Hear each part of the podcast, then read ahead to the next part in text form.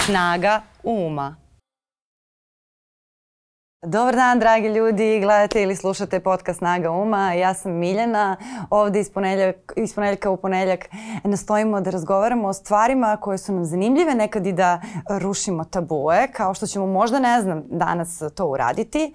Jako se radujem što je moja gošća jedna mlada žena e, koja na društvenim mrežama veoma jasno govori o temama pre svega ženske seksualnosti, seksualnog oslobađanja i šalje neke poruke koje će možda definisati nove generacije, pre svega po pitanju seksualnog obrazovanja. Uh, Dragana Dukuljev, That's Magic, na, na društvenim mrežama. Dragana, dobro mi došla. Hvala puno na pozivu. Uh, kako si?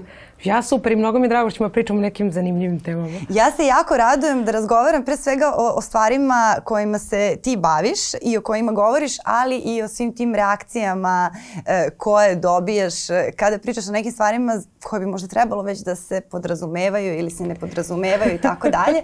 Ali bih pre toga voljela da napravimo jedan mali uvod koji se tiče tvog života i tvog nekog puta oslobađanja. Ti si 93. Mm -hmm. e, dakle, rasla si u tom, u tom nekom okruženju kada se nije podrazumevalo da o tome treba da se priča. Tako da pretpostavljam da si do te neke svoje slobode i svog glasa došla sama ili nekako naknadno, ali tako bilo? Da, pa mislim ja sam odrasla u suštini pola života mi je bilo u vremenu gde sve to ne sme da se priča, sve je tabu i onda druga polovina je bila ok, krećemo da pričamo o stvarima, tako da mogu da kažem da sam oba doživela. Ono kako sam ja nekako krenula je, um, mogu da kažem da nikada se nisam uklapala u to neko mišljenje očekivanje društva, ni po ono izgledu, ni po ponašanju, ni šta žensko treba da radi. Me to nije imalo smisla. Ja sam bila u zonu nemoguće da smo svi tako isti.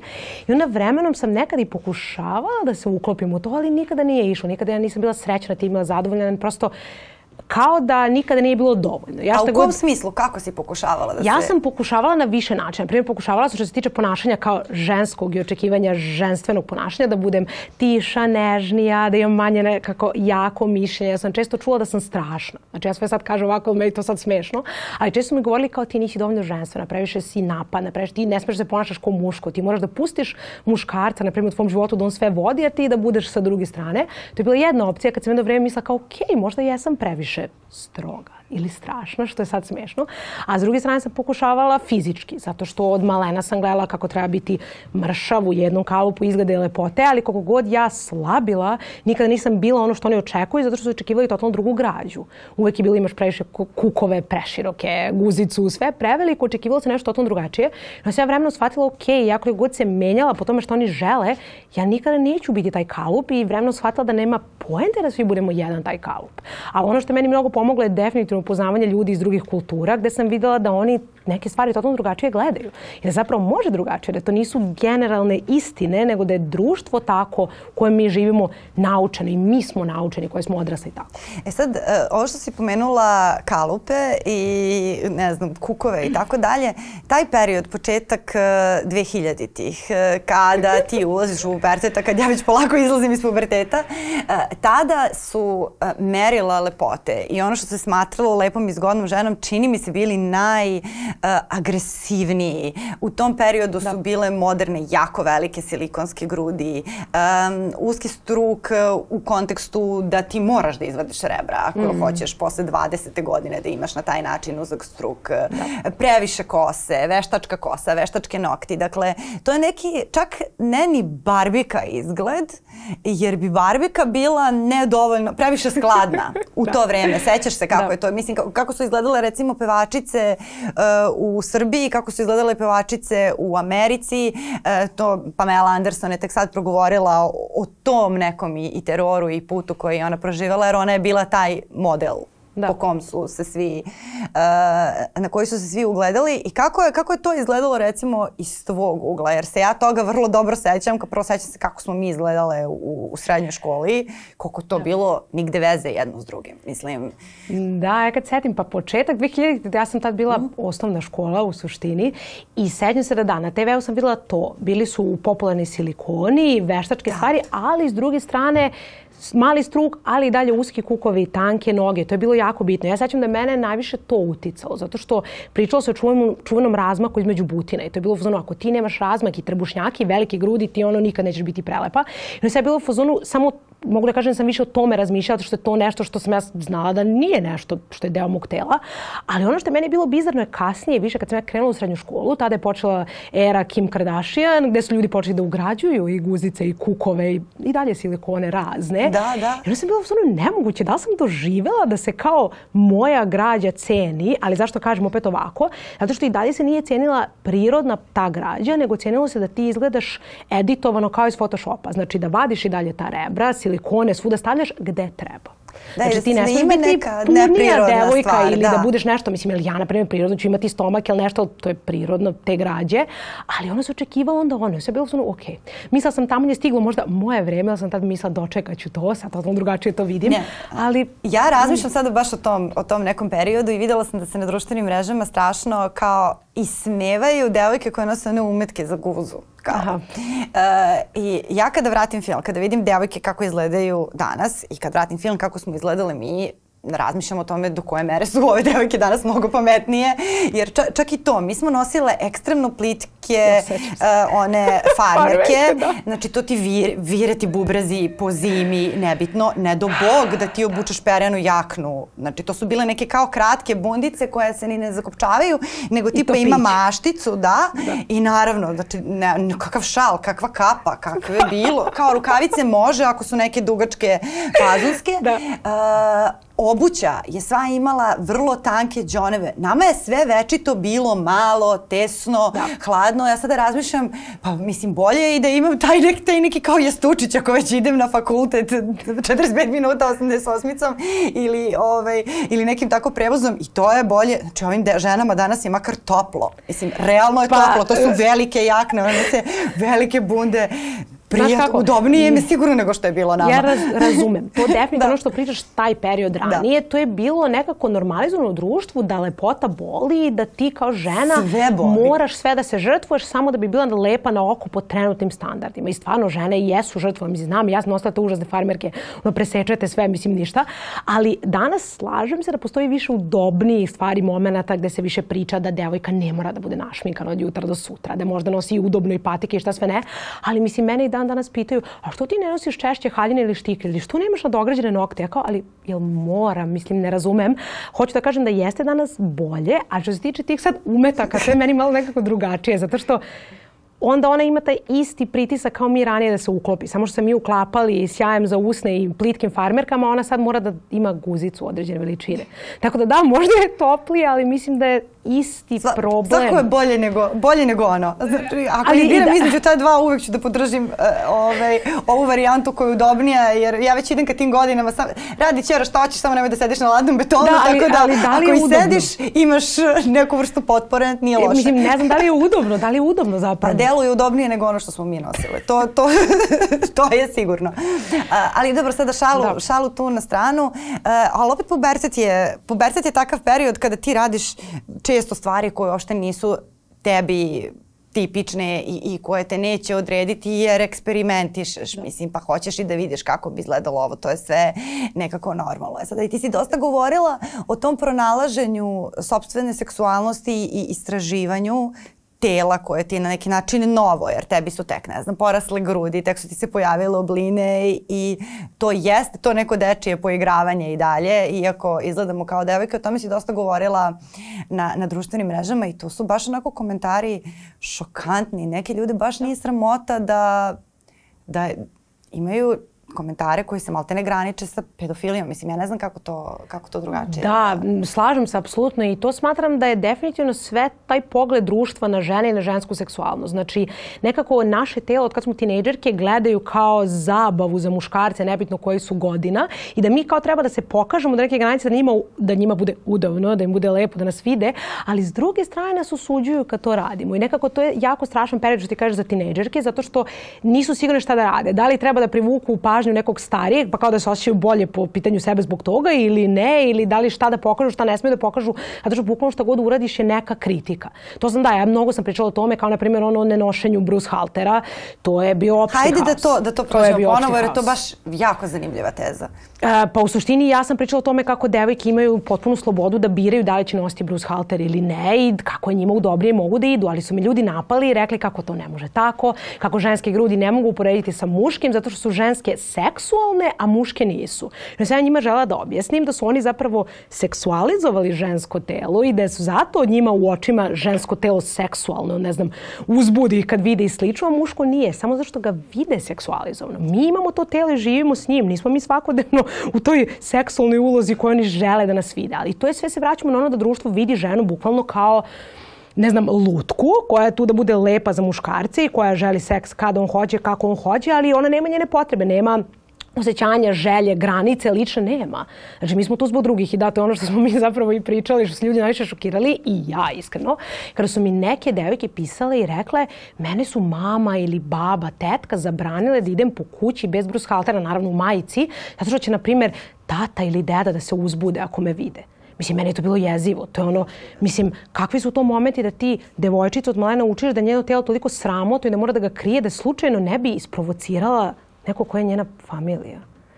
Kako onda, šta ta devojka da radi? Pritom to ne mora uopšte čak ni da bude nešto što zaista deda razmišlja u tom procesu, ali da, to je vaspitanje. Da. Ali to je ta ideja da. da je žensko telo seksualno. U svakom smislu, u svakom trenutku šta god radilo, mi smo seksualno. Mislim, devojke su mi davale toliko primjera kao ne smiju da odu negde s dekolteam, neko ih ne shvata ozbiljno. Ili, ne znam, ne smiju da se sagnu, da pokupe nešto s poda u školi ili na poslu, će odmah neko da ih zeze, da im baca neke komentare.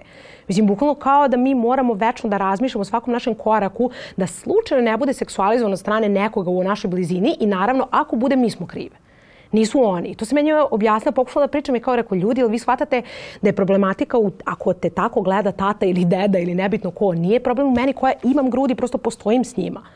Nego je problem ako oni mene tako vide. Pa naravno. Ali to je ono što je toliko normalizovano da ljudima teško to da shvate. Čak su mi bukvalno pisali i sećam se jedne poruke, dečkom jedan rekao, ti ne znaš šta pričaš, žensko telo jeste seksualno, nije seksualizovano, to je normalno da se produži vrsta i slično. Kao zato muškarci imaju nagone kad te vide. Jer ako čekaj, ali to, zašto onda ti nisi podjednako seksualizovan? Valjda ja treba da imam nagone tebe kad vidim. Mislim, ja samo bitna njegovi nagoni i strana, ja sam tu da služim to.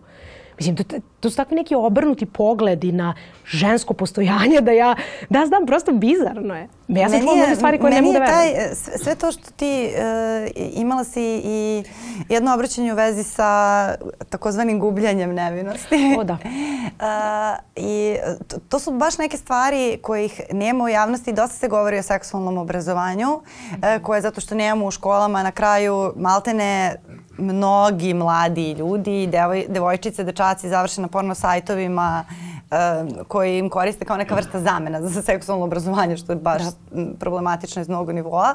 Ove, i, I mnogo je dobro što postoje takvi, takvi nalozi uh, gde će ove, žene zrele govoriti o nekim stvarima koje u stvari nisu uopšte sramota. E sada, e, ti kada si govorila o nevinosti kod e, devojaka, mladih e, žena, na kakve si sve komentare nailazila i kako ti se čini. Tu mi je jako zanimljivo zato što ti si kao neki, e, kao ne, ne, neko ko vrši neku vrstu istraživanja javnog mnjenja. Imaš da. zanimljiv uzorak, tvoji videi su vrlo viralni, i, da. o, a mi nismo država koja ima institute koji će sprovoditi takva istraživanja. Tako da to je najbliže što možemo da... Ove... Da, slažem se. Ja baš zato volim, baš mi je to zato zanimljivo i zato ja pitam ljude za mišljenje. Pre nego što dam neko svoje mišljenje ili neku analizu, ja uvek pitam. Znači, pitam i zajednicu i na TikToku i na Instagramu i onda sam ih prvo pitala da li oni veruju da, na primer, nevinost može da se proveri. To je veliki broj ljudi na Instagramu rekao da ne može, pošto je to ipak malo drugačija zajednica, dok su na TikToku rekli da može. Naravno da može. Rekli su mi to se znalo od pamtiveka. Nevinost je jedina vrednost koju devojka ima. Ti sad učiš devojke da ne znam budu promiskuitetne i onda posle će da imaju isfrustriranog muža. Mislim, bile su razne priče da u tom himenu čuvenom da ako ga nemaš, ti ćeš biti bezvredna, da će muž ti biti isfrustriran. Da ne se njima rekla, rekao, čekajte ljudi, jel vi verujete da žena od malena, devojka, devojčica treba da živi u ideji šta će moj budući muž da kao bude srećan zbog ove moje odluke ili da ne bude srećan zbog ove moje odluke. A pritom je bizarno, jel sada kroz medicinu znamo da može da se rodiš bez himena, da ga uopšte nemaš ili mislim da se vremenom istanje ili da nikad ne pukne. Možeš da ga ušiš 16 puta ako hoćeš, ako si baš mazohista. Da. I onda su da. sve to moguće, ali ljudi i dalje veruju da postoji ta nevinost na taj način da može se proveriti, da ti možeš da krvariš i slično tokom prvog puta i da je to vrednost devojke. I ako devojka to izgubi, da ona više nije vredna. To je, meni je jezivo da stavljaju vrednost jedne cele osobe, celog bića na parče kože. Ja mislim da to, ali sad stvarno uh, ne preterujem. Čini mi se da u vreme kad su naše majke bile mlade to nije tako bilo. To je apsolutno istina. To meni majka stalno kaže kad njoj spominjem neke ovakve priče, ona kaže to nije bilo tako u moje vreme. Zato što su oni bili pankeri, znači to je to, da, da, mislim, to oni su hipici. slušali, da, bili su hipici, da. oni su slušali punk, da. išli su na koncerte, e, totalno postojala je neka druga vrsta. I neka veća sloboda, znam i meni da, majka da. kaže da to je čuveni Bruce temu. Ona kaže, po moje vreme si bila ono seljanka, ako nosiš Bruce, ako ti se vidi. Kaže, svi smo išli bez. Kupali su tople, su ono na plaži s roditeljima, sasvim normalno. Niko nije razmišljao da će tata da te pogleda ili nešto. Mislim, ja stvarno ne razumem kako smo mi uspeli da idemo unazad. To što mene meni nije. To mi je baš, baš uh, ti imaš više kontakta sa ljudima na TikToku i, uh, da. i tim, meni je, to, to mi je jako čudno da vidim od mladih ljudi te, te Zato i kažem, TikTok je još zabr više zabrinjavajući nego Instagram, jer tamo su još mlađi, a vidim mnogo veću tu propagandu koja je bila pre ne znam koliko godina, ono pre sto, da pričaju da žena vredi samo po tome, da treba da se čuva za brak, da žena, ne znam, uh, često mene osuđuju kako ja kao žena smem da pričam o seksualnosti, kako je to besramno, kako sam ja, ne znam, ovakva i ona onakva. Bukvalno ono totalno srozaju mene zato što ja pričam o seksualnosti. I naravno, često pitanje šta ti kaže dečko, kako te pušta dečko ili šta ti kažu mama i tata, kako to oni puštaju. Pošto ja nemam pravo sama da odlučim. Da, to je, ali to je ba, ba, baš zabrinjavajuće. To je vrlo zabrinjavajuće. I meni nije jasno odakle to dolazi, jer s jedne strane, uh, to, to stvarno često govorim, uh, nekad su, kao da kažem, starije generacije znale više od generacija koje dolaze u, da, u, po pitanju i seksualnosti i onda ti kao znanje se prenosilo u tom smislu da. sa starijih na mlađe, ali čini mi se da s pojavom društvenih mreža i sa pojavom uh, tog pristupa znanju to više nije slučaj. Ja o oslobađanju uh, sam poslednjih godina mnogo više učila od mladih de, uh, žena nego od nekih žena koje su, koje su starije od mene i to mi je normalno. Ti kad dođeš u neke godine sada stvarno kreneš da učiš od mlađih jer mlađi znaju i onda mi nije jasno kako um, kako se, da li je to neka onako baš ono polarizacija kao što je na svim drugim poljima u društvu da jednostavno imaš ili ljude koji sa 15 godina otprilike već, već sve zna, ono možda porodi drugaricu ako hoće, zna sve o svemu što nije znala ni prababa, ni čukumbaba, ni niko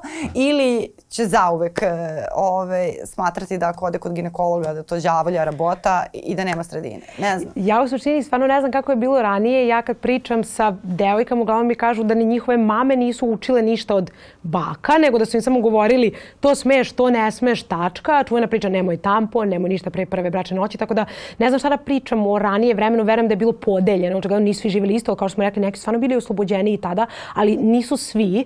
Što se tiče ovoga danas, Mene iskreno jako boli kada se devojke plaše da se raspituju o tome ili da pričaju o tome zato što se plaše da će neko da ih kao zalepi etiketu da su one lake ili nešto, samo ako imaju znanje.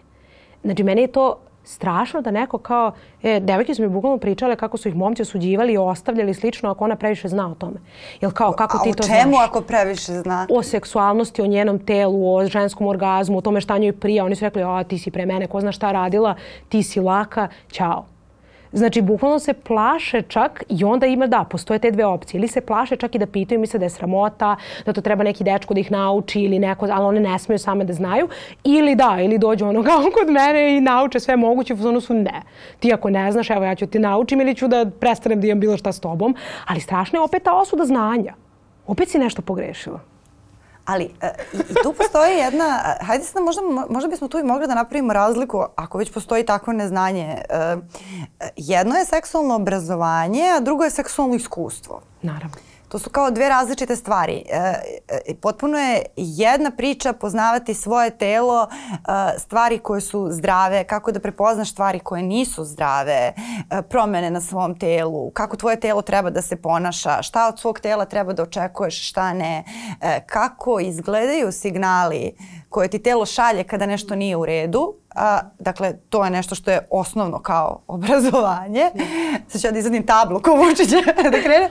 Ja mogu prezentaciju. A, dakle, a potpuno je druga priča što isto treba da se, da se govori, što ne, ne da. bi trebalo da bude tabu, dakle nešto što je seksualno iskustvo, iskustvo. na kojim poljima sve eksperimentisati, kako, kako ti eksperimenti izgledaju, kako izgledaju eksperimenti kroz koje se, ne znam, um, ne prelaze tuđe granice, uh, kako izgleda prelaženje granica, znači, ne znam, šta su fetiši, znači, ono, čit, čitava ta paleta neka. Dakle, to su dve različite stvari. A ja koliko sam razumela, e, ti e, uglavnom nailaziš na problem kada govoriš o ovoj prvoj kategoriji koja se mnogo više tiče nekog psihofizičkog zdravlja nego, e, da kažem, seksualnog poigravanja i istraživanja. Pa, to je sad radim, zato zavisi o čemu smo pričale. Kako se smeje. pa ne, zato što se setim svake poruke koje sam dobila ikada na tu temu ili ankete koje sam radila, zato što zapravo nailazim na oba. Uh -huh. Ali se više priča, možda da kažemo, o ovom prvom. Zato što od ovom drugom ljudi su često u fazonu, ok, sad sam ja u vezi s nekim i to sad nije, ne treba dalje da ja analiziram ili pričam s bilo kim, to je samo između nas. Ali često mi se dešavalo da mi devojke tako kao hoće nešto da kažu i onda ne kažu, onda kada prestanu da budu s tim dečkom, te kažu kakve su to prepreke sve postale u toj vezi. Ali ono kao što si spominjala je taj čuveni pristanak i granice. To je jako bitno, ja mislim da se zna i mnogo pre toga što se često ne zna. Pre bilo kakvog iskustva je bitno da ti znaš da imaš pravo da kažeš ne u bilo kom trenutku i da odrediš svoje granice i da svako ima pravo, znači i dečko i devojka kogod je u toj situaciji. A devojke, koliko sam videla iz priče s njima, često osjećaju kao da nemaju pravo na to, nego kao šta on želi probaćemo i za to neću biti osuđena, to je sad taj deo iskustva, a ako ja nešto predložim, potencijalno ću biti osuđena. -hmm. Tako da ima prepreke u tim momentima iskustva, samo zavisi naravno, naravno situacija situacija, ne mogu generalizovati ovako, niti ikada volim da generalizujem, ali Da, mislim, ne znam, kod mene se ljudi pobune za oba.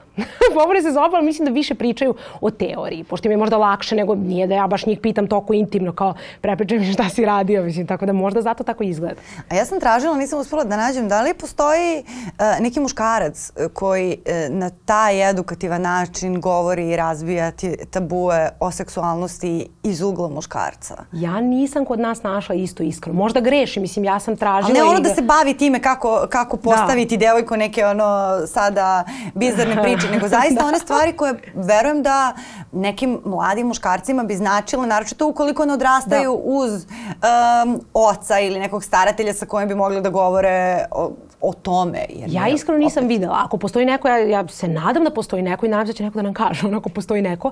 Ali ono što sam ja najviše vidjela da momci rade su oni neki kao dating coach, ja opet sve radim ovako, ali istina je, uh, koji su uglavnom po meni vrlo toksičnom fazonu, bar oni profili koje sam ja videla, gde objašnjavaju muškarcima kako da oni budu alfa mužjaci. Kako to izgleda? Aj, sad ćemo da gledamo. To, to izgleda tako što uglavnom pričaju one staramodne priče koje smo svi čuli više puta. Nemoj da ih dozvoliš, ne znam, izvedi je na sastanak i nemoj da ih dozvoliš da ona naruči, nego ti odluči umesto nje. Da ti pokažeš da si asertivan muškarac, da si ti dominantan. Pa ne znam, nemoj da je zoveš tri dana, da ona malo čeka. Ili ti moraš da igraš toplo-hladno. Ili nemoj da ih kažeš iskreno, ako ti se dopada, pošto ćeš onda biti slabić, ona će te ostavi žene ne vole slabiće koji pokazuje emocije.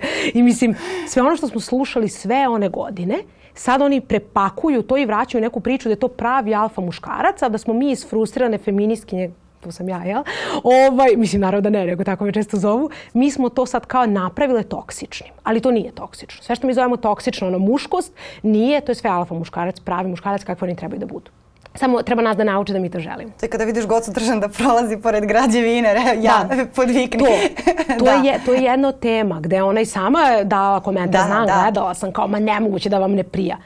Jezivo je. Ja sam isto pisala baš jednu objavu o tome. E, često mi se dešava da mi muškarci, na primjer, komentarišu nešto, momci nebitno, daju neki kompliment, ja kažem ok, hvala šta god, ali onda oni pređu dalje u nešto eksplicitno, ja bi ti radio ovo ili ono. Ja sam već kao, ja stvarno ne želim ovo da slušam. Mislim, ono, nije to moja stvar. Ako je to u tvojoj glavi, ne mogu da utičem na to.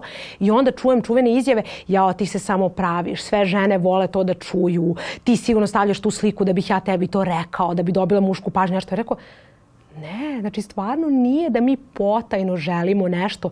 Ja ću ti reći ako želim ili ne želim. Znači to je ona zabluda kojom se vode od ranije i koje ti alfa coach mužjaci dalje prodaju, da žene neće da ti kažu i ne znaju šta hoće i neće da kažu šta hoće, nego ti moraš sam i naš se to svede. Na to da onda on prevede u svojoj glavi da ono što on želi ono što i ti želiš. I onda dolazi i do nasilja i do svačeg nečega što on ne poštoje tvoje ne. Ili misli, ona se samo femka, pravi se samo kao ne sme da ispadne laka, zapravo ona želi sve što ja želim. Dobro, da, ali to je održiv sistem ukoliko s jedne strane devojke ne smiju da kaže šta žele, da ne bi ispale, a ovaj onda mora da pogađa i Baš to je stvarno ja da ko Tom i Jerry. o tim slobodama, da ne bi više bilo tih nesporazuma. Znači ja njima kažem, ljudi, današnje devojke koje se ne plaše da kažu ne, iskreno misli ne, znači ne igra se, ja razumijem ti ne možeš da čitaš misli, ali sada kada smem da kažem ne, ti shvati to ne. Ja razumem, možda je bilo neka drugačija, ali verujem da i dalje to donosilo mnogo problema. Ta cela ideja da žena ne zna šta želi i da mora da glumi. Tako da, u suštini zato je bitno da se obe strane oslobode i to ono što ja pričam, zašto ja kažem da je moj profil za sve. Tu pričam i za, na primjer, muškarce. Bitno je da se oni oslobode da smeju da kažu svoje emocije. Da on ne mora da bude agresivan, ne znam, da te povuče po, za kiku i da je to ljubav. To nije ljubav, nego sme slobodno da ti kaže. On neće ispasti slabić. Naprotiv. Emocije su snaga. Znači, ljubav koju pokažu je snaga. Tako da, naše društvo mora da poradi na jednoj i drugoj strani. Zato ja kažem da ja ovog pričam svima. Svi treba da ono... Znači ne da neće ispasti slabić, nego naprotiv. Samo tako neće ispasti slabić. To i ja kažem. To je snaga kad ti imaš hrabrosti da kažeš sve otvoreno pa posle šta bude, bude, ali ti si rekao svoje. Ali mislim, to, to je zeznuto što znam i dalje postoji dosta devojaka koja žive u toj ideji da će to biti slabić. Tako da i momci koji žele nešto da promene nije im uvek lako. Mislim, ne kažem da ovo opravdanje, nego samo kažem da i jedni i drugi imaju svašta da rade. dobro, dobro, da, postoji, ima, ima, tu, ima tu sigurno dosta posla i ono, zavisi zavisi kakvi su afiniteti, Naravno. ali je, ako je za nešto feminizam dobar, e, to je, to je upravo za to što te na neki način štiti e, od tih ljudi koji imaju tu vrstu kompleksa, recimo. Da. I, I zaista uopšte nije tačna ta, ta priča da kao kako ćeš ti, ne znam, ako nemaš dečka da nađeš dečka, mnogo lakše. Znam, ali mislim, ali često... Zapravo mnogo lakše ćeš da nađeš nekoga ko ti odgovara, zato što postoji ta neka prva barijera koja otara se ove koji bi u startu možda kao nešto, a prosto ti ne odgovaraju po tvojim vrednostima i mnogo su veće šanse da uh, kada kreneš sa nekim razgovor ili neko krene da se udvara ili kako se već to danas zove, nema pojma, ove, da to prosto bude neko ko sa tobom deli vrednosti i kome se dopada tvoja snaga, ko se raduje tome što si ti takva kakva jesi desi. Dobro, imaš i onu drugu stranu kao sad ću nju da ukrotim, ali to se vidi, to je baš onako tužno. I to, mislim... ali za, zato je bitno znati šta je feminizam, da je feminizam tu za sve, da mi budemo jednaki, da svi imamo jednaka prava, ne, ne, ne da žene pregaze muškarci ili da mi želimo da budemo muškarci. To je često zabluda. To yes. često isto kažu momci kao ja, vi ste ne znam isfrustrirane feministke, vi želite da budete muškarci i to je vama san, ali nikada nećete biti dobri kao mi. Pa nije mi san da budem muškarac, nego da imam jednaka prava, da to što sam se ja rodila kao žensko mi ne menja ništa. Dobro, to je jako jedan veliki paradoks, zato što ništa, niko ne deluje isfrustrirano kao muškarac koji priča ženi da je da. isfrustrirana da. zbog feminizma. To da. je onako jedna druga tema, to žene među sobom neće, vrlo često čak i neće da kažu, jer je toliko tužno da, da, da, da je teško da. i uh, istaći. Ali htela sam da pitam što se tebe tiče i, i, i prosto tvog života, tvog oslobađanja. Ti stvarno imaš osmeh jedne osobe koja je potpuno slobodna, ne samo u kontekstu samo svoje seksualnosti, to je, to je jedna intimna tema, nego generalno što se tiče toga ko si u, u, svom, u svom životu. Uh, jesi li to osvajala? Koliko ti je vremena trebalo da, da se potpuno osjećaš dobro u svom životu? Pa to je definitivno proces. To je proces koji traje i ono što je bitno znati da to ima i uspona i padova. Znači nije da, na primjer, ja dođem jedan dan i kažem e, ja sam sad slobodna, radim sve što ja hoću, kako ja hoću i uvek ću se osjećati tako. Ne, čak i mi koji smo toliko se oslobodili i rešili predrasuda i okova društva i šta sve ne, možemo da imamo moment gde kao, e, ok, sad možda ne želim to, da ne znam, se slikam tako, obučem to, da kažem to. Nekada se mi tako osjećamo, tako da to je bitno jako znati da ti nisi sad pregazio sebe. Ali znam da dosta ljudi kada stignu kao do neke tačke oslobađanja, onda ako osete da ih opet vuče nešto su slušali godinama, krenu ono da budu jako strogi prema sebi. Tako da jako bitno znati da je to proces. Ja sam, mislim, to godinama samo nadograđivala. To je počelo ono, ne znam, možda od srednje škole, ali ja mislim da se i dalje nadograđuje. Ja vidim već razliku u sebi, na primjer, sada i pre možda dve godine Na primjer, pre dve godine što se tiče slika, ja sam želela da se pokažem, ali mi opet sam razmišljala, u, koji je ugao ili kako će da izgledam iz ovog ugla, onog ugla. Ok, ja ću staviti svaki ugao, ali ja moram da ga iskontrolišem, da vidim da li baš mogu da ga svarim. Dok sam sad totalno u fuzonu slika i sve, može, pokazujemo sve, ne da to strije, celulit, ovaj ugao, onaj ugao, ali to je promena u razliku od dve godine. Ja sam već pre dve godine pričala o tome uveliko i to je ono što kažem, to je proces. Ja mislim da se to i dalje menja. Mislim, ja sad ne znam šta bih sad mogla da promenim dalje, ali nikad se ne zna. To je bitno da možemo da se promenimo, ali ako mi želimo. To je bitan deo. Da, da rastemo. To je bitan deo, da. Da rastemo da. na neki da. način. Da, svi se razvijamo, apsolutno. I nije ono ako si jednom prihvatio sebe da tu kao, u, sad sam stao i više nikada ništa neću promeniti ili naučiti drugačije ili imati drugačiju ideju ili želju. A sada kod, kod tog momenta koji, koji podrazumeva da uh, tvoja seksualnost zavisi od tvog muškarca. Da ti na neki način prepustiš svom partneru, koji može da bude super neki čovjek, ovaj, da ti oblikuje seksualnost, da te vodi na tom putu, jel te? Dobije možda ni udar tokom ove epizode dok izgovaram ove stvari. Pa i ja s druge strane. Da. Um, e, tako da, to, da li je to možda nekad lakši put? U smislu, ok, ja ne moram ovim da se bavim Da, mislim, da li misliš da ima, da ima i toga? Da, da, jer često kada razmišljamo o oslobađanju, na primjer o finansijskom oslobađanju, koje je vrlo važan faktor uh, na tom polju i o mnogim stvarima, ja verujem da, da nekad nije, da nije uvek samo strah, da je nekad i taj moment lakše je Mislim, da. mene to recimo uznemirava da, da, da sve neke bitne stvari u mom životu zavise od nekog drugog, a, ali ne znam, šta misliš o tome? Pa mislim da definitivno postoji opcija da neki ljudi gledaju tako na neke stvari. I ja smatram da je to okej okay dok ti to lično odlučiš. Znači, ako žena, na primjer, želi da ne radi, ako smo već pričali o financijama i da je muž taj koji radi, ako njemu to je okej, okay, njoj to je okej okay, i oboje su doneli tu odluku zajedno, ok. Ja sam skroz za slobodu izbora, znači ne uskraćujem nikakav izbor koji je možda kao pre bio popularan. Ne, ali poenta je razlika odakle počinješ. Da li počinješ iz ideje ja ovo iskreno želim ili ja moram zato što sam žena, zato što sam muškarac. Tu je velika razlika, tako da ok, ako neko prosto ima želju da više ga partner ili partnerka uče i pokazujemo, oni su nekako tu i polako shvataju šta im se sviđa, ok, to je ok. Mislim, to je, ono, to je jedna stvar koju sam baš skoro pričala, da smatram da danas, naravno, divno je što mi pričamo o ome mnogo, što su jako bitne stvari, što pričamo kako je bitno znati neke stvari u svom telu pre prvog puta ili ovoga ili onoga, ali mislim da se tu malo stvorio i pritisak na mlade da moraju da znaju određeni spisak stvari pre nego što bilo šta urade, a kao što smo malo pre pričali, ipak se neke stvari uče i vremenom. Znači, prosto neke stvari naučimo vremenom, shvatimo da nam se sviđa, ne, promenimo mišljenje vremenom, ali ono što je bitno, ja mislim da je samo ta, da znamo da imamo pravo da mi odlučimo. Koja god opcija da je, ali da mi sami za sebe nešto nam neko kaže ili šta očekuje društvo. I tu postoji taj neki uh, faktor stida uh, koji ide u, u oba smera. I stid ako znaš previše i stid ako ne znaš ništa. E sad, kako su tvoje da. iskustva kroz, iz komunikacije sa ljudima. Koliko je to koliko Na je to seksualnom prisutno? polju? Pa da, na polju seksualnog znanja. Meni se čini da postoji uh, i kod muškaraca i kod žena. Da, da, da. Da se stide i kad znaju i kad ne znaju. Ja mislim da, koliko sam ja bar zaključila iz mog iskustva s ljudima, da se devojke više stide kad znaju, a da se momci stide kad ne znaju.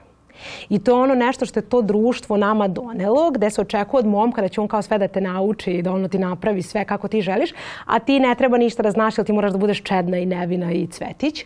Tako da mislim da je tu veliki pritisak i momcima i devojkama, mislim momcima koji naravno žele da njihova devojka uživa, pritisak im je kada, oček, kada misle da oni moraju sve da i to daju, a da ona kao ne zna ništa. Naravno da je lakše kad i ona zna. Tako da da, mislim da je sram kod momaka to kada kao ne znaju dovoljno, se osjećaju da ne znaju dovoljno, a devojke kada kao su malo više probale ili eksperimentisale, misle da će odmah neko da smatra da je to loše. Aha. Znači ima toga, dobro. dobro, to ima, i, ima logike. Ja sam mislila da postoji u oba smera, da ti kad si mlada žena, ako ne znaš dovoljno da tu postoji neka, eh, neki prostor da ti malte ne glumataš. ne, ne, definitivno, da. definitivno. Ali to mislim da je više neka briga nego sram. Da, da. Da je briga da ti nećeš raditi nešto što je dovoljno dobro tvom partneru. I da će on onda možda, ne znam, da ode ili neko drugi da mu bude zanimljiviji i slično. To se sad povezuje sa tim emocijama, da će neko te ostavi. Mislim da su jako ono, duboke stvari. Sad znam da ja prelazim na razne teme. Ali da, mislim da je tu više strah i briga nego neki sram. uh -huh. što se toga tiče. Tako da da, definitivno mislim da tu sa obe strane brinu da li će znati nešto dovoljno dobro da urade. A ti voliš da ulaziš u te, da kažem, a, rasprave? a, o, voliš da ulaziš u te rasprave sa ljudima koji te napadaju da ćeš to da napraviš blu, generaciju bludnica ili kako već. I sada, a, i, i voliš da primećuješ licemerije u onome što ljudi nazivaju tradicionalnim vrednostima u seksualnosti. Mislim, kao prvo ne, ne može da postoji tradicija u seksualnosti, to je već samo po sebi da. tradicija kao jedna martene verske kulturološka kategorija u seksualnost ne bi trebalo baš da se meša, ali dobro, to je druga tema. Uh, koje su tvoje iskustva na tom polju? Šta ti je tu bilo najzanimljivije? Ovaj. Ja se u suštini uvek trudim da otvaram prostor za diskusiju. Znači ne da se svađam ili da dižem neku frku ili dramu, ali volim da da, da stavim neka suprotna mišljenja, neka vidimo kao ok, zašto ti ovako mislio, zašto ti ovako mislio. I ono što ljudi misle daj mi, često... Daj mi primer, recimo, na, na, šta, um, na šta konkretno misliš? Primer, evo sad kad smo već pričali o nevinosti, čuvenoj nevinosti koju smo do sad pričali, kada pitam ljude da li mislite da je to nešto što, ne znam, devojka mora se čuva za brak. I ako oni kažu da, mislim da mora, ja ih pitam zašto. Dobro. I vrlo često oni nemaju nikakav odgovor. To jest, tu niko mi nije dao nikakav logičan odgovor. Uglavnom je odgovor bio to je tako, to je tako davnina, to tako treba, to se zna da tako treba. I to je ono što ja želim u ljudi. Želim povratnu informaciju onoga što su oni naučeni da mora, da oni sami rezonuju, da stvore neko kritičko mišljenje, da mi daju neki drugi ugao. Ja sam otvoren da slušam. Ja ne mislim da ja sad znam sve i kao tačno i baš zato ja pokušavam da otvorim diskusiju, ali uglavnom ljudi ti koji nemaju odgovor često misle da ja želim da se svađam. I onda kao ti misliš da sve znaš da si ti uvek u pravu, što ne možemo mi da budemo u pravu. I rekao nije poenta u pravu, poenta je da je okej okay da imamo drugačije mišljenja, samo mi dajte neko kritičko mišljenje. Nemojte da mi kažete samo šta ste naučeni, Tako je. A koji je procenat ljudi koji smatra da, mislim, znamo za, za situaciju u Crnoj Gori, o tome si i ti govorila, gde, gde i dalje to maltene se tretira kao neka vrsta valute, da. nevinost kod ženskog deteta, pa se ide i na provere i, i, i slično. To je stvarno, mislim, prosto da ne poveruješ da se to dešava tako blizu. Da. A, o, ali koji ti procenat ljudi, recimo, to kaže? A, zavisi na kojoj platformi. E, na Instagramu je mali. Na Instagramu kad sam radila one ankete, tipa ja mislim da je 5% se složilo s tim da devojka mora da bude nevina pre braka. Ali to opet neka naša generacija je dominantnija, verovatno. E, da, tu su malo možda, mislim, ne znam, mene na Instagramu najviše prate od 20 pa 25 pa do 30, malo više do 35, tako neki raspon. Ali na TikToku mislim da su oni mlađi, često jesu mlađi i ja mislim da tamo 80% ljudi u komentarima reklo da devojka mora da bude nevine, da ona ne sme nikako drugačije. I to ono što sam rekla da je zabrinjavajuće, što ti mlađi više se slažu s tim. A dobro, oni će da nauče. Ali čak su mi na TikToku i pitali to, kao kad sam ja rekla da je himen, ono nije nešto određuje vrednosti, što možda ga nemaš, sve to već. I onda me neko pitao, a zašto onda himenoplastika? Ja mislim da žene, čak je rekao, ja mislim da žene često što to rade, kada se pokaju da im prvi kao nije bio onaj otprilike kog su želele. Da li stvarno misle da... I onda sam ja njima rekla, ljudi, to je bizarno. Ti ako si imao odnose, ti si imao odnose. To ništa neće promeniti, mislim. I šta to znači da se pokaju? Što bi se pokajale? A zašto bi se pokajale? Zato što su naučene da prvi mora da bude jedan i zauvek i da bude ljubav tvog života. I to je strašno veliki pritisak na devojke, mislim, zato što se osjećaju uh, jako kao, mislim, bukvalno pritisak pod pritiskom šta ako on nije taj, a ja sad imam nešto s njim, ja sad neću biti vredna posle toga i niko drugi me neće želeti. Jeste, da, a to, a to pritom ti u tim godinama imaš emocionalnog iskustva, otprilike... Kako ti možeš sa tih, ne znam, 17, 18, 19, nebitno da izabereš nekog pravog čoveka za ceo život. Nekad se desi, ali to je stvarno, ja mislim, redko. I strašno je što devojke zapravo se plaše toga. Kao joj, ako mi on ono nije taj, ja želim da raskinem, ne znam da li smem, pošto sad kao smo već imali nešto.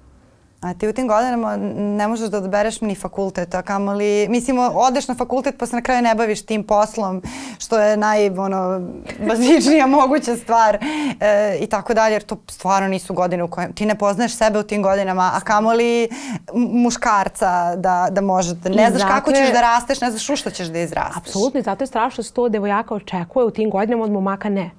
Momaka se očekuje normalno, on neće da se ženi do 30. plus, on ima vremena da se razvija. Devojka nema. Devojka treba već tada da odluči koji se sviđa, već sa, ne znam, 23 da rodi prvo dete, sa 27 ona je već stara žena, otprilike. Mislim, meni su to stvarno govorili, meni su stvarno pitali smo hiljadu puta zašto nemam decu. I zašto ja pričam o ovim stvarima, treba da idem da radim pametnija posla, da rađam decu i da budem udata. Ja sam u ljudi.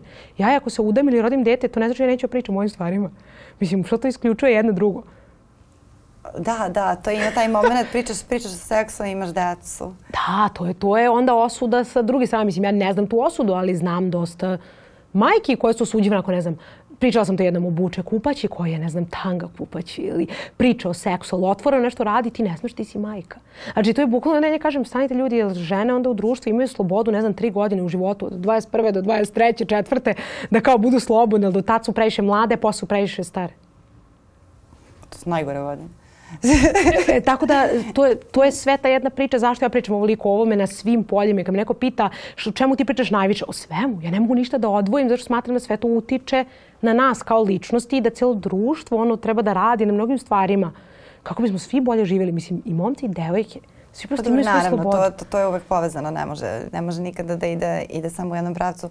A, a sada me zanima kako bi ti promenu volela recimo da vidiš. A, ja sam oduševljena što, što živim u vremenu kada su mlade žene počele da govore o tim nekim stvarima koje su stvarno normalne i zdrave i što a, je baš onako poražavajuće e, da nam tabu bude nešto kroz šta prolazimo svi. Pa bilo o tome kako izgleda iskustvo trudnoće ili kako izgleda iskustvo van telesne oplodnje. Znači, sve te neke stvari koje su zaista ljudske i koje se dešavaju svima, vrlo je čudno uh, da se i dalje nameću kao nešto što je neka intima. To, to je nešto što bukvalno svi imamo. Svi smo mi, da kažem, uh, sagrađeni od, od vrlo sličnih materijala i nagona i svega. Ok, razlikujemo se, ali postoje neke stvari koje su, uh, koje mogu da nas povezuju kao ljude i koje mogu da nas učine i bližim i da, i da se bolje razumemo u ovom nekom vremenu uh, nerazumevanja. Da li, da li vidiš tu taj neki ono pomak i da li ti se čini da će toga biti više?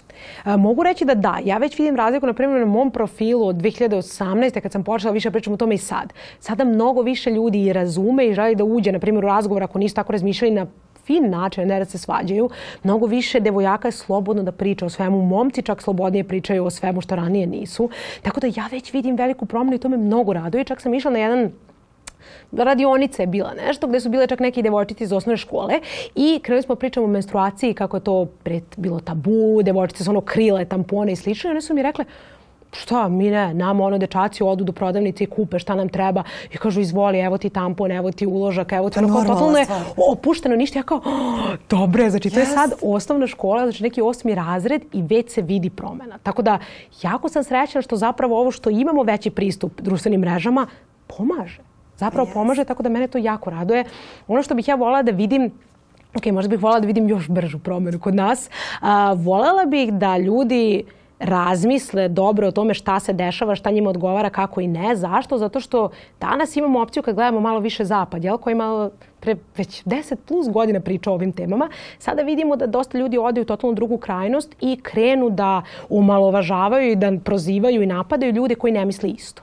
Okay. I ja mislim da to sad ono rade istu stvar samo s druge strane. Kao na primjer kad vidimo neki body pozitiv kao body pozitiv, one se tako predstavljaju, devojke koje su na primjer punije, pa napadaju mršave devojke. To nije cilj. Cilj je da svi imamo svoj izbor i pravo na izbor i na odluke i na život kakav ja želim, kakav ti želiš, a ne da sad bude ista priča samo s drugog strane spektra. Tako da to nekako bih voljela da ljudi malo samo razmisle o svemu šta se zbiva, ne samo da upijaju kao aha, sad je prihvatljivo ovo, sad ću ja da kažem to je okej, okay, ali neću ni znati zašto. To je ono, odgovor na ono pitanje šta je da potrebno da ti u životu bude ugodnije, a, a ne a, šta je moderno da mislim. To, da, se ljudi, da ljudi zapravo žive po svojim željama, ne onim šta je trenutno očekivano. Uvek će se, ako tako nastave, samo će smenjivati standardi, ideje i trendovi.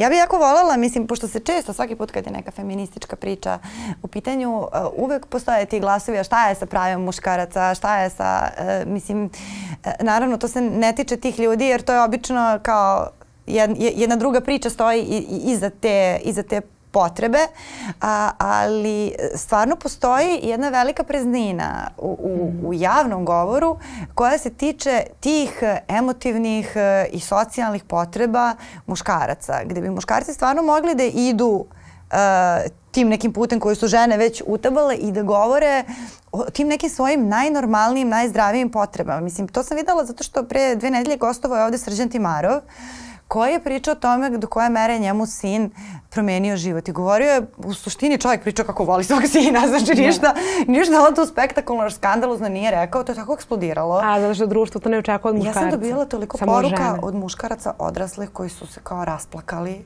Ši, do koje mere je to kao i nisam čuo da neki muškarac ovako priča o sinu, jer to je tačno, ne sme, kao ti ako si otac, To. ti možda budeš nežan prema ćerkici, ali ne daj Bože za si, sin, pričamo, sina da zagrliš. Ne, ne daj Bože sina da zagrliš, napravit ćeš od Da. njega šta, normalno, emocionalno, zdravu Da, osobu. da. Uh, i, I to je stvarno kao, očigledno je da postoji tu jedan, jedan stvarno prostor za, za priču o nekim normalnim stvarima, a, a ne ovo, samo što si ti rekla, a, taj life coaching, kako ti da, Da. budeš Kako sa da ženom. prevariš nekoga, bukvalno. Kako da prevariš nekog, kako da obmaneš ženu, kako da kontroliše ženu. Mislim da trenutno postoji samo to, ali ja se stvarno nadam, evo. E, Zato ja kažem uvek isto da je moj profil Miloče, sve. snimi blog. znači, neko, nekome ono kao, ne to je, to je ono da- što mene nekad malo onako potrese zato što ja pričam i o muškarcima, koliko naravno ja mogu iz ugla, ne mogu da živim taj život, jel?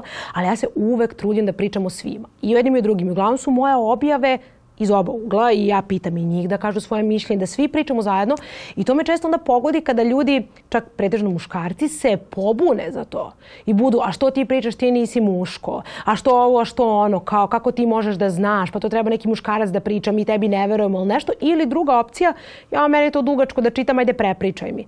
Tako da oni dođu i napadnu me, a ja koja pokušavam zapravo da pričam za sve i da se borim za sve, a ne samo za žene, oni me napadnu kao, pa ti si žena, ne mogu ja to tako ozbiljno da shvatim. Šta ja onda treba da radim?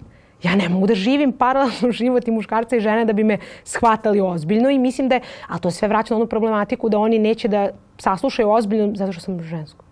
Ili misle da ja nemam pojma.